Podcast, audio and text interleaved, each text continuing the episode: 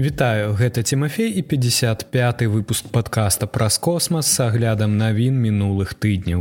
У гэтым выпуску пра запуск шмат абяцальнага спадарожніка за назіраннем акіянаў на зямлі, пра новы касмічны рэкорд, пра наса, якое звальняе супрацоўнікаў, пра чаканне чарговага запуску новай прыватнай месяцовай місіі ды іншым.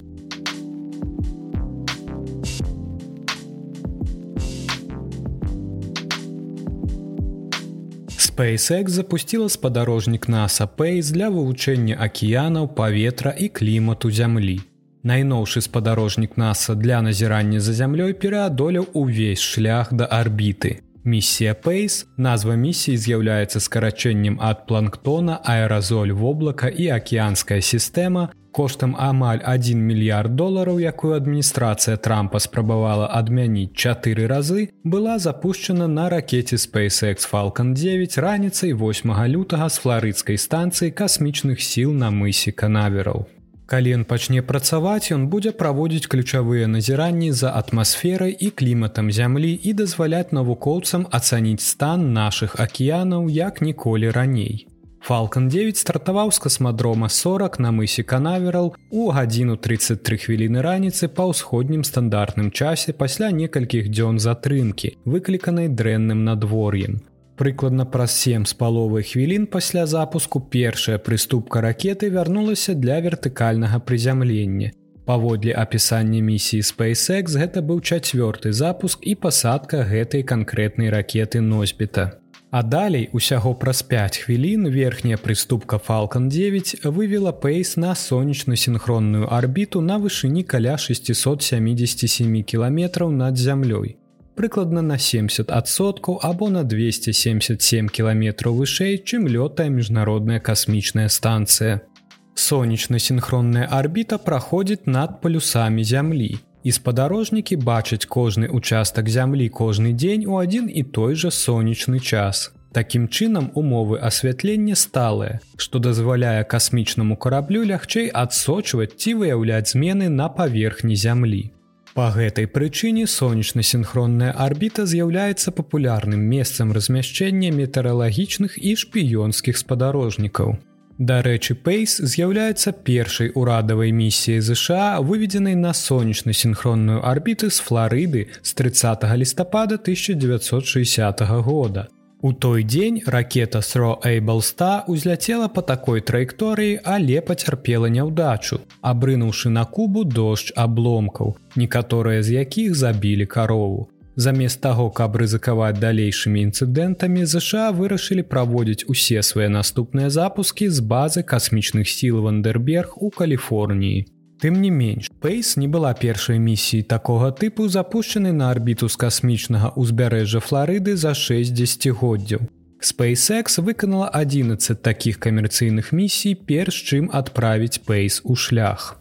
Спецыялісты місіі зараз будуць працаваць над тым, каб разагнаць касмічны карабель даўжынёй 3,2 метра і праверыць яго розныя падсістэмы. Пасля гэтага тэставага перыяду спадарожнік можа пачаць сваю працу. Навуковую працу будуць выконваць тры інструменты. Адзін з іх спектрометр пад назвай Ocean Color Instrument будзе адлюстроўваць мноства колераў акіяна ў драбнюткіх дэталях і ў беспрэцэдэнтным дыяпазоне, ад блізкага інфачырвонага дыяпазону да ультрафіолету. Гэтыя колеры вызначаюць узаемадзеянне сонечнага святла з часціцамі марской вады, такімі як хларафіл, які ў сваю чаргу выпрацоўваецца планктонам, асновай марской харчавой сеткі. Такім чынам, на думку каманды Пейс, спектрометр распавядзе нямала аб здароўі і стане акіянскіх экасістэм. Беспрэцэдэнтны спектральны ахоп Пейс забяспечыць першае ў гісторыі глобальнае вымярэнне, прызначанае для вызначэння складу супольнасці фітапланктону, Гэта значна палепшыць здольнасць разумець, чаму адбываюцца змяненні марской экасістэмы зямлі, як лепш кіраваць прыроднымі рэсурсамі, такімі як рыбалоўства і гэтак далей. Два іншыя прыборы спадарожніка з'яўляюцца палярыметрамі. Яны будуць выміраць як на ваганні святла, вядомая як палярызацыя, уплывае праходжанне праз акіян, аблокі і аразолі. Такім чынам уклад пейс у навуку аб зямлі і клімаце будзе вялікім і разнастойным. Пейс збіраецца даць больш інфармацыі аб акіянах і атмасферы, уключаючы новыя спосабы вывучэння таго, як акіяны і атмасфера абменьваюцца вугляродам. Пейс таксама прадаставіць інфармацыю аб акіянах і якасці паветра, якая можа дапамагчы людзям сёння. Місія пераадолела нямала цяжкасцяў на шляху да стартавай пляцоўкі. Напрыклад, адміністрацыя прэзідэнта Дональда Трампа чатыры разы спрабавала адмяніць місію ў сваіх бюджэтных прапановах на 2018, 19, 20 і 21 фінансавыя гады. Але кангрэс кожны раз выдзяляў неабходныя сродкі, ратуючы пейс. Місія таксама сутыкнулася з затрымкамі і перарасходам сродкаў. У 2014 годзе NASAа абмежавала агульны кошт місіі на ўзроўні 805 мільёнаў долараў, а запуск быў запланаваны на 2022 год. Аднак кошт вырас да 948 мільёнаў долараў. Але чакання і грошы таго вартыя, бо навукоўцы параўноўваюць пейс з флагманскім касмічным тэлескопам Джеймса Вэба. Пейс можа расказаць нам аб акіянах гэтак жа як Джеймс Вэб распавядае нам аб космасе.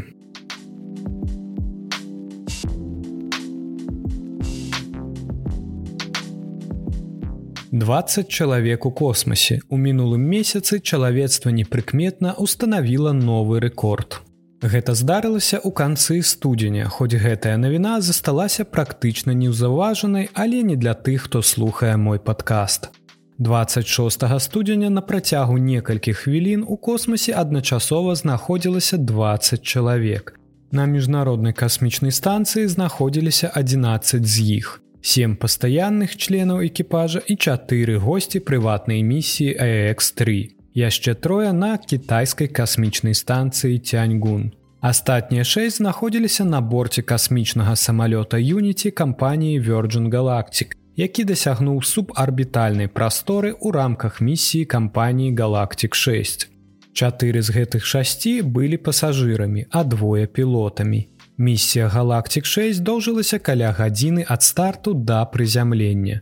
На момант запісу падкаста за межамі зямлі знаходзіцца 14 чалавек. Трое жыхароў цяньгуна, сем астранаўтаў мкс і чатыры лётчыкі аx3 якія пакінулі арбітальную лабараторыю ў сераду сёмага лютага на сваёй капсуле spacex крю драган і вось-вось а можа і ўжо вярнуліся на зямлю. Іх вяртанне запланавана на 9 лютага Аднак не кожны прызнае рэкорд з 20 чалавек, паколькі палёты Virgin Galactic дасягаюць вышыні ўсяго 88 кіламетраў ці каля таго над зямлёй у самай высокай кропцы. Гэта дастаткова высока, каб дасягнуць космасу на думку NASAа і ваенных ЗША, якія усталявалі мяжу на вышыні 80 кіламетраў, але міжнародная супольнасць звычайна прытрымліваецца лініі кармана, якая праходзіць на вышыні 100 кіламетраў. Сапраўды, у кнізе рэкордаў гінеса запісаны рэкорд з 19 чалавек, якія адначасова знаходзіліся ў космосе.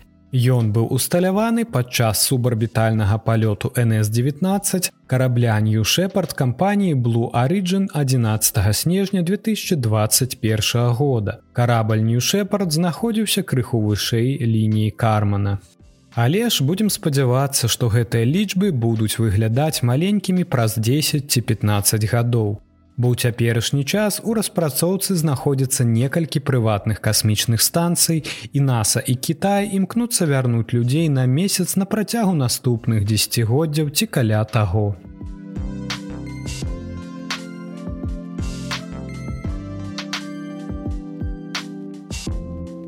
Лабараторыя рэактыўнага руху NASAа звальняе 8соткаў сваіх супрацоўнікаў бюджэтныя праблемы вымусілі лабараторыю рэактыўнага руху галоўны цэнтр наса па рабатызаваных даследаваннях планет скараціць штат прыкладна на 8соткаў па словах прадстаўнікоў лабараторыі скарачэнні закрануць прыкладна 530 супрацоўнікаў і 40 падрадчыкаў Лабараторыя рэактыўнага руху размешчаная на поўначы ад лос-анджелеса фінансуецца з федэральнага бюджэту, але кіруецца каліфарнійскім тэхналагічным інстытутам.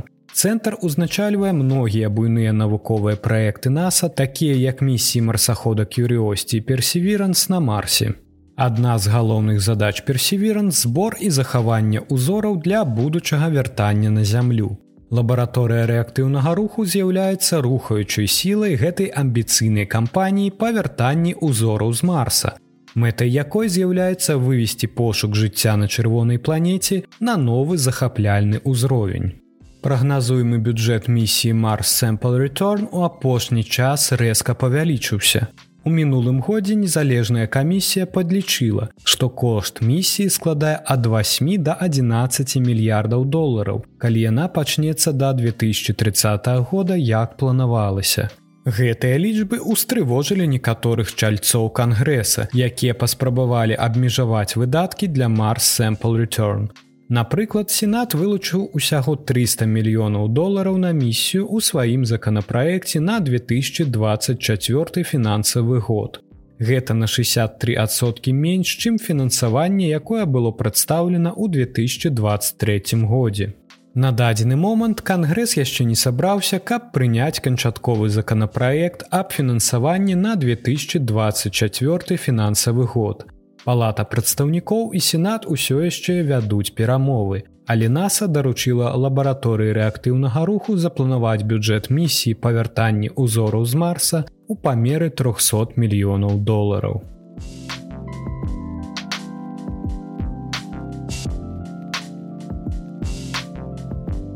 Набліжаецца сонечны максімум, але мы даведаемся, што гэта адбылося толькі праз 7 месяцаў пасля яго заканчэння. Сонца паступова набірае сілу, набліжаючыся да самага высокага ўзроўню актыўнасці сонечнага максімуму на працягу прыкладна 11гадовага сонечнага цыклу. Сонечны цыкл апісвае перыяд сонечнай актыўнасці абумоўлены магнітным полем сонца і пазначаецца частатой і інтэнсіўнасцю сонечных плям бачных на паверхні. Але навукоўцы не змогуць высветліць, ці наступіў сонечны максімум прынамсі на працягу сямі месяцаў пасля гэтага факту. Максімум разлічваецца з выкарыстаннем колькасці сонечных плям за 13 месяцаў. Гэта азначае, што для кожнага месяца неабходна карыстацца значэннямі 6 месяцаў да і 6 месяцаў пасля. Навукоўцы будуць ведаць, ці быў сонечны максімум дасягнуты ў канкрэтным месяцы толькі калі колькасць сонечных плям у наступным месяцы будзе меншай, таму немагчыма даведацца раней, чым праз 7 месяцаў пасля таго, як адбудзецца гэта зніжэнне. Напрыклад, сонечны максімум сапраўды адбыўся ў лютам 2024 года. Навукоўцам спатрэбяцца даныя аб колькасці сонечных плям за папярэднія 6 месяцаў і наступныя 6 месяцаў, што прывядзе нас да жніўня 2024 года. А ўжо ў верасні навукоўцы змогуць канчаткова выявіць, што сонечны максімум адбыўся ў лютым 2024 года. Спецыялісты па сонечнай энергіі еўрапейскага касмічнага агенства дадаюць, што часам сонца можа нас падмануць. Нават калі мы думаем, што дасягнулі сонечнага максімуму, падвышаная актыўнасць аказваецца толькі так званым лакальным максімуму, а не рэпрэзентыўным для ўсяго цыклу. Цыклы сонечных плям таксама могуць мець двайныя максімумы. Гэта азначае, што першы пік можа быць не самым высокім і за ім можа рушыць услед яшчэ адзін вялікі пік. Усё гэта азначае, што нам давядзецца пачакаць некаторы час, перш чым мы дакладна даведаемся, калі наступіў сонечны максімум 25 сонечнага цыклу. Але калі вы падпісаны на сацыяльныя сеткі падкаста праз космас, то вы дакладна нічога не прапусціце, таму раю падпісацца. У цяперашні час прагнозы сусветнага цэнтра дадзеных па ацэнкам сонечных плям і доўгатэрміновым назіранні за сонцам каралеўскай абсерваторыі Бельгіі паказваюць на максімум паміж сярэдзінай 2024 года і канцом 2025 года. Між тым цэнтр прагназавання касмічнага надвор'я Ноа кажа, што максімум сонечнай актыўнасці можа адбыцца ў перыяд з канца 2024 па пачатак 2026 года. На думку навукоўцаў існуе вялікая верагоднасць таго, што сонечная актыўнасць усё яшчэ расце. Гэта выдатная навіна для жадаючых убачыць паўночнае зянне, паколькі яго з'яўленне залежыць ад сонечнай актыўнасці. Чым больш актыўна сонца, тым вышэй верагоднасць з'яўлення яркіх палярных зянняў, што робіць наступныя некалькі гадоў лепшым часам для планавання паездкі, каб убачыць паўночнае зянне. А калі вы не зможаце ўбачыць паўночнае зянне ў перыяд сонечнага максімуму на працягу наступных некалькіх гадоў, не хвалюйцеся. Палярныя зянні ніколі не спыняюцца. Іх можна ўбачыць на працягу ўсяго сонечнага цыклу, а не толькі ў перыяды сонечнага максімуму.